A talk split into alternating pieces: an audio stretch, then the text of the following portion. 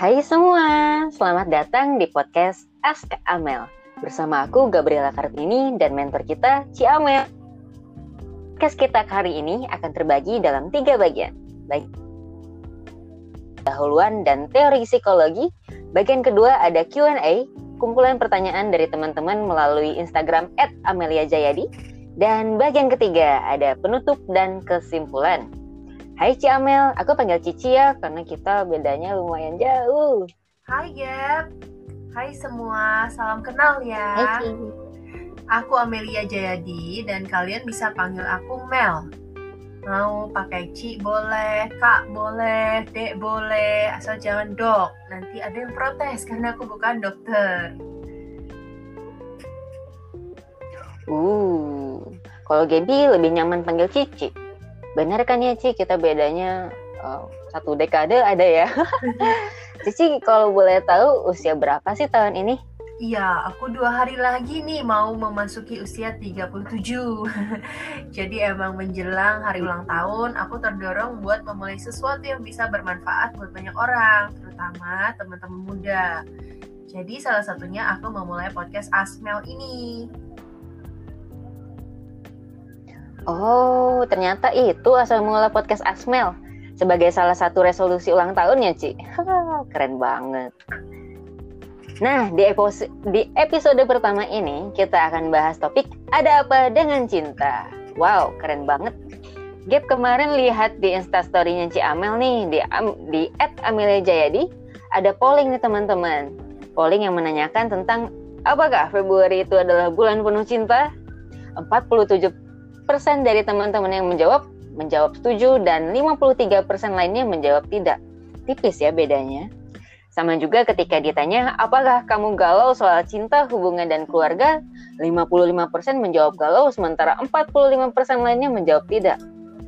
Nah, kalau menurut Ciamel gimana nih? Sharing dong pengalaman Ciamel soal cinta selama 37 tahun perjalanan hidup Cici. Iya, Gap, benar. Kita emang pilih topik ADC di bulan Februari ini. Selain karena memang secara universal banyak orang merayakan cinta pada hari Valentine, juga karena banyak teman-teman muda yang pengen diskusi atau tanya-tanya soal topik cinta. Banyak juga yang galau bahkan sampai frustasi karena soal cinta. Nah, kalau pengalaman Cici sendiri memang merasakan bagaimana cinta dibentuk dari pengalaman masa kecil Bagaimana pertama kali aku mengenal cinta di dalam keluarga bersama orang tua, saudara kandung. Kemudian saat bertumbuh besar bagaimana memaknai cinta di masa remaja yang mulai terpengaruh dengan lingkungan sekitar, teman sekolah, budaya, dan masyarakat. Lalu semua pengalaman ini dibawa hingga dewasa dan memasuki masa-masa pranikah, di mana seseorang mulai mencermati lebih lanjut proses pencarian pasangan hidup kecuali orang yang memilih untuk hidup selibat atau tidak menikah ya. Hmm. Oh iya, Ci. Gaby mau tanya dong. Kalau dari pengamatan kan banyak banget nih teman-teman usia 20-an bahkan sampai 30-an itu yang galau tentang cinta. Karir iya juga sih, pertemanan ya sedikit banyak, tapi mostly problem yang selalu hangat dibicarakan atau yang menjadi problem besar bahkan itu adalah soal hubungan percintaan. Pendapat Cici sendiri bagaimana tentang hal tersebut? Hmm, ya betul sih. Kalau di polling IG Stories-nya at Amelia Jadi, memang 33% dari peserta polling berusia 20 tahunan atau lebih muda dan 67% berusia 30 tahun ke atas. Memang kalau dari ilmu psikologi sendiri, seorang ahli teori psikologi sosial Erik Erikson menjelaskan tahap perkembangan manusia pada usia dewasa muda, yaitu pada rentang usia 20 sampai 40 tahun, manusia tuh mengalami krisis psikososial yang disebut intimacy versus isolation. Kalau diterjemahkan secara bebas, itu berarti bagaimana seorang individu memaknai hubungan akrab yang disebut intimacy dengan orang lain Nah, jika seseorang tidak berhasil mengatasi krisis tersebut, dia akan mengalami perasaan terisolasi. Jadi makanya namanya crisis intimacy versus isolation. Nah, ketika manusia yang berusia dewasa muda, tadi rentangnya 20 sampai 40 tahun ya, Gap. Nah, kalau dia sudah berhasil mengatasi Ya. krisis tersebut, dia memper- memperoleh sebuah virtue atau nilai bijak berupa love alias cinta itu sendiri. Wah, keren banget sih penjelasan Ci Amel. Berarti di usia 20 sampai 40 tahun memang secara psikologi krisis secara psikologi krisisnya itu intimacy versus isolation ya, Iya, Ci? Betul, itu menurut si ahli teori psikologi yang namanya Erik Erikson ya, dan ini memang banyak sekali dipakai. Kalau untuk perbandingan nih, Gap, tahap perkembangan sebelumnya, sebelum usia 20-an apa tuh namanya? Remaja ya. Nah, usia remaja Ayo. itu Mhm. rentang usia 13 sampai 19 tahun. Nah, itu krisisnya beda lagi. Krisisnya namanya identity versus identity confusion. Jadi dia lagi mengembangkan identitasnya dalam berbagai aspek. Jadi nggak hanya fokus soal cinta, tapi juga ada pilihan karir, pendidikan, keluarga. Pokoknya dia lagi mencari identitas. Nah, kalau setelah dewasa muda, ngomong-ngomong gue masih dewasa muda ya, karena masih di bawah 40. Cie. Nah, itu namanya masa dewasa Iya. menengah. Dewasa menengah itu usia 41 sampai 65 ya. Itu beda lagi krisisnya, namanya generativity. Jadi virtue-nya itu manusia bisa meninggalkan sebuah warisan, memberikan arti bagi manusia lain. Jadi kehidupannya bisa memberikan sebuah dunia yang lebih baik bagi generasi selanjutnya. Jadi di setiap tahap itu memang ada uh, krisis ident uh, apa psikososial namanya, psikososial.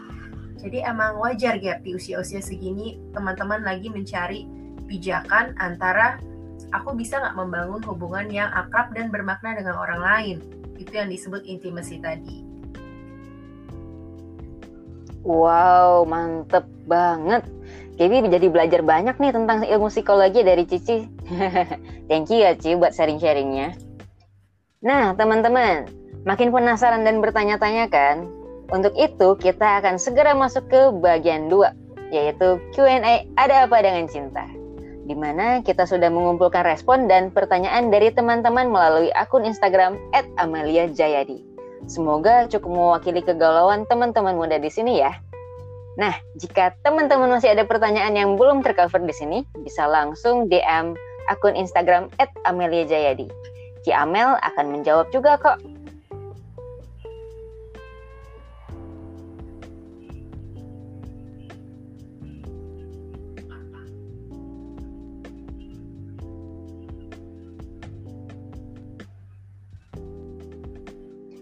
Nah, Ci, kita masuk ke bagian kedua ya. Oke. Oke, kalau menurut respon di story kemarin kan Ci, itu ada beberapa teman kita yang di usia pertengahan 20-an dan masih sendiri. Sementara banyak teman-temannya yang udah nikah, belum lagi dikodein sama orang tua buat punya cucu. Itu gimana sih Ci kita sebagai anak 20-an sebaiknya bersikap? Iya, sebenarnya kemarin banyak juga ya yang responnya positif. Maksudnya dia bisa memberikan saran bagaimana bersikap ya. Ada yang bilang uh, self love gitu kan. Jadi um, kamu harus fokus nih. Ada yang aku lagi mau fokus untuk mengenali diri sendiri dulu, untuk self love dulu gitu kan. Terus ada juga yang masih galau kayak iya nih teman-teman udah pada pamer foto cincin, foto USG dede bayi bahkan gitu ya. Maksudnya USG bayi yang ada di kandungannya ya, bukan bayi orang lain gitu. Jadi benar-benar kerasa banget bahwa uh, terutama mungkin kita di kultur Asia ya di negara kita ini bagaimana uh, pengaruh dari lingkungan dan budaya itu memang cukup besar gitu kan. Di mana uh, kekerabatan dan hubungan dengan keluarga itu juga sangat mempengaruhi sekali bagaimana seseorang membuat keputusan jadi memang uh, udah dari secara psikologisnya manusia itu di usia 20 sampai 40 merindukan sebuah hubungan yang akrab yang berarti. Hubungan yang di sini bukan berarti uh, selalu hubungan romantis ya. Kalau krisis psikososial tadi identity versus isolation. Kalau memang dia memilih untuk tidak menikah pun tetap dia bisa menghindari isolation dengan membangun hubungan akrab secara um, netral atau misalnya dengan teman-teman, dengan keluarga gitu kan.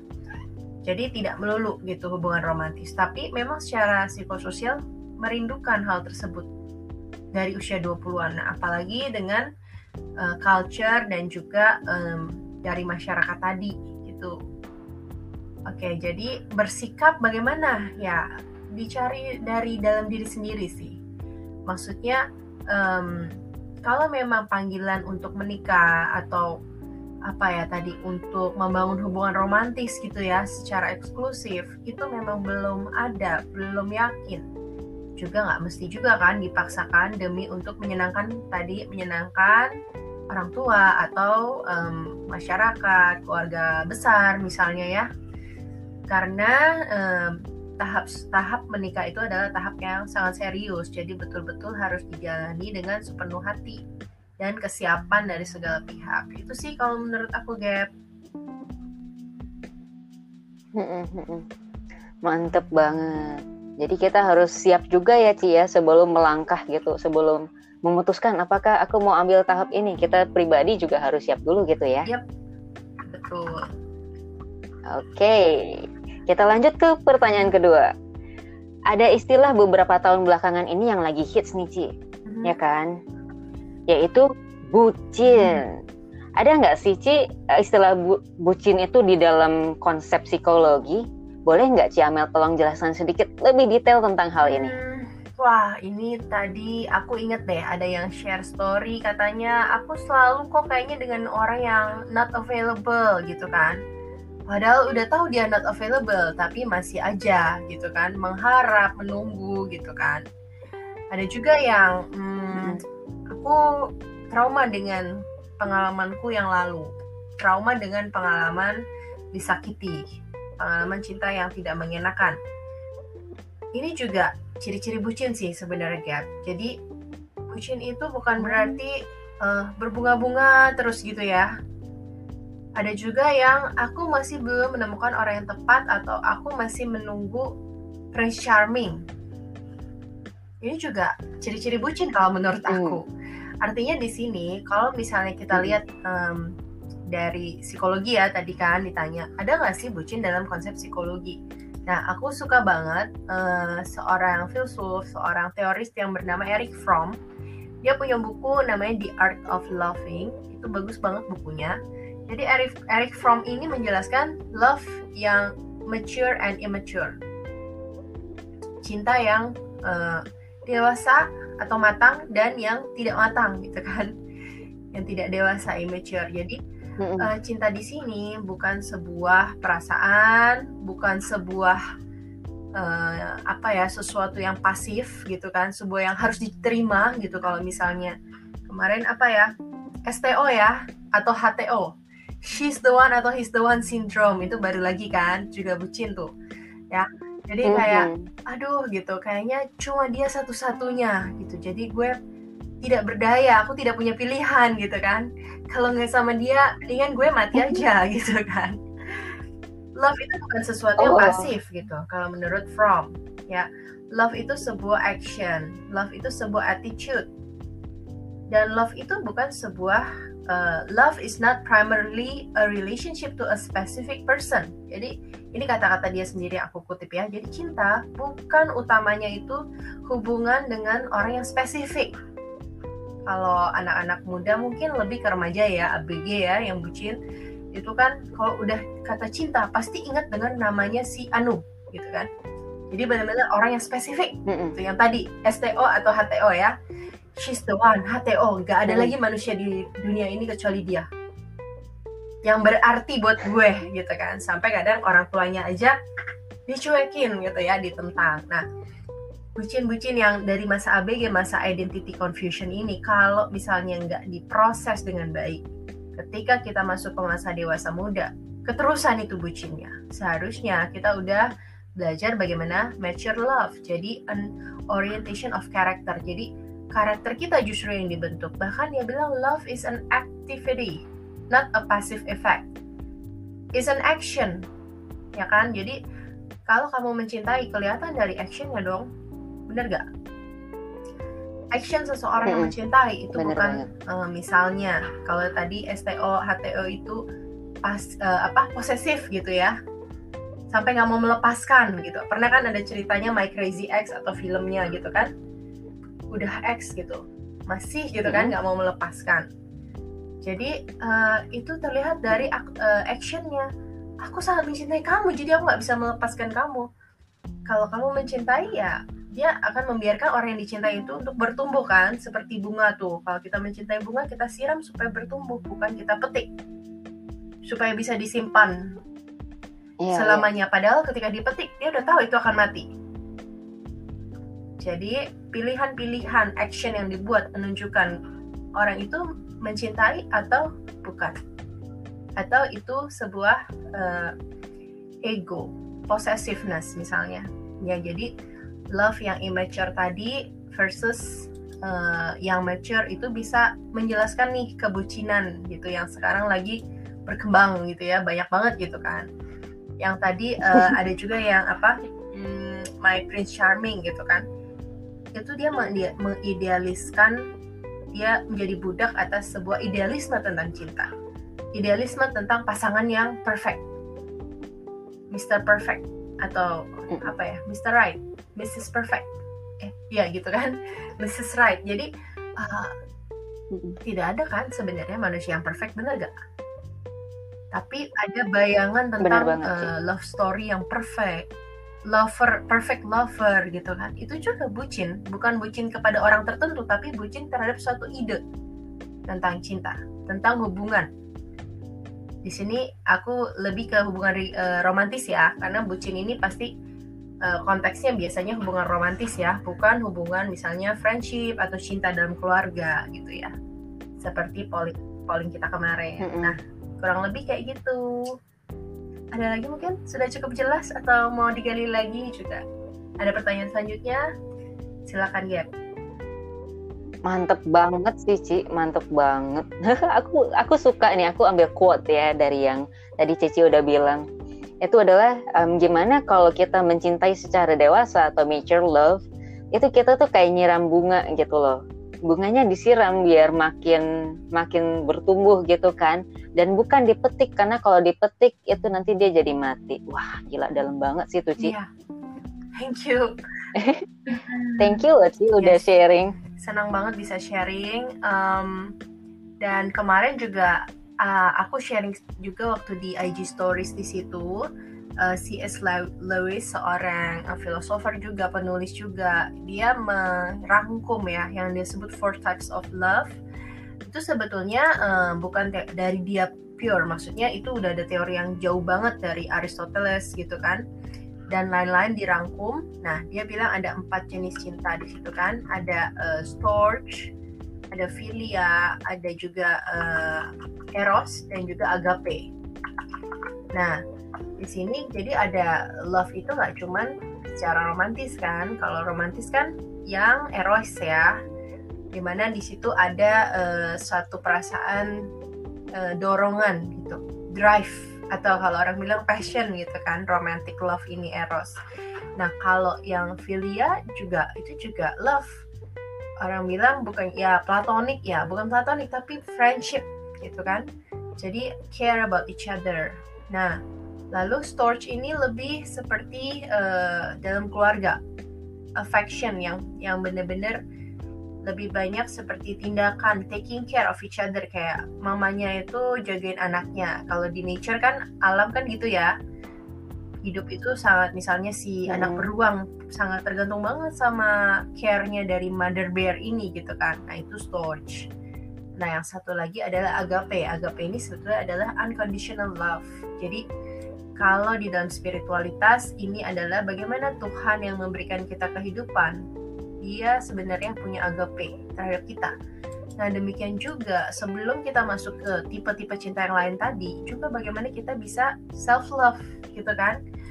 Mencintai diri sendiri dengan unconditional love, dengan agape kemarin waktu di polling agape ini 50% mhm. ya teman-teman yang pengen tahu lebih jauh, pengen lebih banyak lagi memperdalam self love dan aku bilang ini sangat sehat banget gitu karena tanpa kita benar-benar bisa kenal dengan diri kita, menerima diri kita, mencintai diri kita, berarti kita nggak bisa full untuk mencintai orang lain. Karena seseorang yang kurang nggak bisa memberikan lebih. Yang dia berikan ya juga dari kekurangannya gitu. Maksudnya terkadang uh, apa ya maybe itu yang terbaik yang dia bisa berikan. Tapi sebelum kamu mau menyirami gitu ya bunga-bunga yang lain. Sirami dulu bunga yang ada dalam dirimu gitu kan. Nah seperti tadi a love is an action gitu kan. Is an active state. Jadi kalau misalnya kita nggak tahu apa yang dibutuhkan oleh bunga itu atau apa yang dibutuhkan oleh seseorang di sini bagaimana kita bisa mencintai dia dengan baik? Apa yang dia butuhkan kita nggak tahu. Gitu kan? Nah juga supaya bisa mencintai diri kita harus kenal dulu dengan diri sendiri. Jadi kenapa kalau kita belum kenal diri sendiri itu kadang masih susah untuk benar-benar fully unconditional love ke diri sendiri, bisa acceptance. Karena ya tadi kalau kita nggak mengenal, gimana kita bisa mencintai? Tadi kan contohnya yang uh, eh, STO ya, Crazy X itu kan, wah dia tuh butuh perhatian gue dia butuh hadiah-hadiah dari gue gitu kan malah yang di dikejar itu malah takut kan jadi kayak wah kamu stalker gitu. Itu bukan yang gue butuhin. Yang gue butuhin sekarang apa? Misal gue butuhin freedom gitu. Tapi kamu memaksakan kan? Jadi akhirnya dia pikir itu dia menyiram atau dia memupuk bunga itu positif ternyata malah bunga itu mungkin gak butuh banyak air misalnya gitu tenggelam gitu kan? Atau dia mm-hmm. petik gitu kan? Supaya melestarikan iya, kecantikan iya. bunga itu. Ternyata dipetik dia malah mati. Kan dia nggak ngerti gitu cara hidup si bunga gitu. Jadi you have to know apa yang dibutuhkan. Yeah, wow. And then kamu act based on it. Itu namanya love. So to love is understanding right? Harus paham dulu. Mm-hmm. knowledge acceptance. Ya yeah, it's all nature love. Itu ciri-cirinya nature love. Gitu. Oke okay. wow. Jadi sebelum sebelum bisa memahami atau sebelum bisa sebelum berelasi dengan hmm. orang lain gitu kan sebaiknya kita memahami diri kita sendiri dulu ya Pasti Ci ya banget mm-hmm. dan kalau mau berelasi dengan orang lain kita juga harus tahu nih gimana cara nyiram dia yang tepat gitu iya, gitu mungkin ya benar nggak sih jadi to love is to understand and then you will accept acceptance mm-hmm. and then baru mm-hmm. care mm-hmm. itu namanya unconditional love bukan mm-hmm. love yang membentuk-bentuk orang gitu ya iya iya, iya. thank you buat pertanyaannya. Wah keren banget. Keren banget nih Ci podcast yang episode kali ini. Aku pribadi belajar banyak banget tentang cinta dari sisi psikologi. Makasih banyak loh ya Ci Amel udah mau berbagi dengan kita banget kita. juga Gaby udah um, udah menjadi bintang tamu host dalam uh, podcast kali ini yeah. juga mewakili perasaan dan pertanyaan pertanyaan teman-teman. Aku mau menutup dengan satu quote ya dari Eric Fromm. Uh, paradoxically, the ability to be alone is the condition for the ability to love. Nah, kalau dalam bahasa Indonesia, paradoksnya atau sesuatu yang berkebalikan di sini. Fakta yang berkebalikan. Kemampuan untuk sendiri, untuk sendiri menjadi sendiri, to be alone, itu adalah sebuah condition, sebuah syarat for the ability to love, untuk kamu mampu untuk mencintai. Jadi kalau kamu, if you're not able to be alone, kalau kamu tidak mampu untuk menjadi berdiri sendiri, self love tadi is the condition itu syarat kan jadi kamu nggak akan mampu untuk mencintai that's a paradox orang selalu berpikir hmm. love berarti ya tadi. Intimisi ibu hubungan dengan orang lain. Pertanyaan aku kalau kamu sendiri kamu merasa terisolasi nggak? Isolation yang tadi. Erik Erikson tapi ketika kamu merasa sendiri dan bahagia fulfill tercukupi dari segala aspek ya and then you will be able to love. Jadi sejalan ya sama yang tadi aku bilang. Sebelum kamu mencintai orang lain, pastikan dulu self love-mu itu sudah uh, tepat. Self love-nya sudah terisi, sudah mature. Bukan yang self love yang ego ya. Nanti next time kita bahas ya self love yang positif dan yang negatif. Bahaya juga ya sekarang orang banyak bilang self love self love wow. itu juga bisa jadi bumerang kalau tidak tepat. Oke, okay, thank you. Wah, aku jadi excited nih, Ci. Aku jadi nggak sabar nunggu episode-episode iya, selanjutnya. Ya, berbagi di Gaby dan teman-teman semua yang udah dengerin. Stay tune terus di podcast kita ya. Iya, makasih banyak Ci udah um, kepikiran buat ngajak Gaby untuk bergabung di podcast ini. Oh ya, teman-teman jangan lupa untuk follow at Amelia Jayadi ya. Nah, di sana nanti kalian bisa tanya langsung dengan Ci Amel, bisa juga ikutan polling-polling yang akan diadakan kalau kita mau bikin um, konten atau apa gitu. At Amelia Jayadi, um, Jayadinya dengan ejaan lama D J A J A D I. Sekali lagi, at Amelia Jayadi, Jayadinya dengan ejaan lama D J A J A D I. Terima kasih banyak untuk sudah mendengarkan dan sampai jumpa di episode selanjutnya. Saya Gabriela Kartini, undur diri. Dan saya Mel dari Asmel, undur diri. Bye. Bye.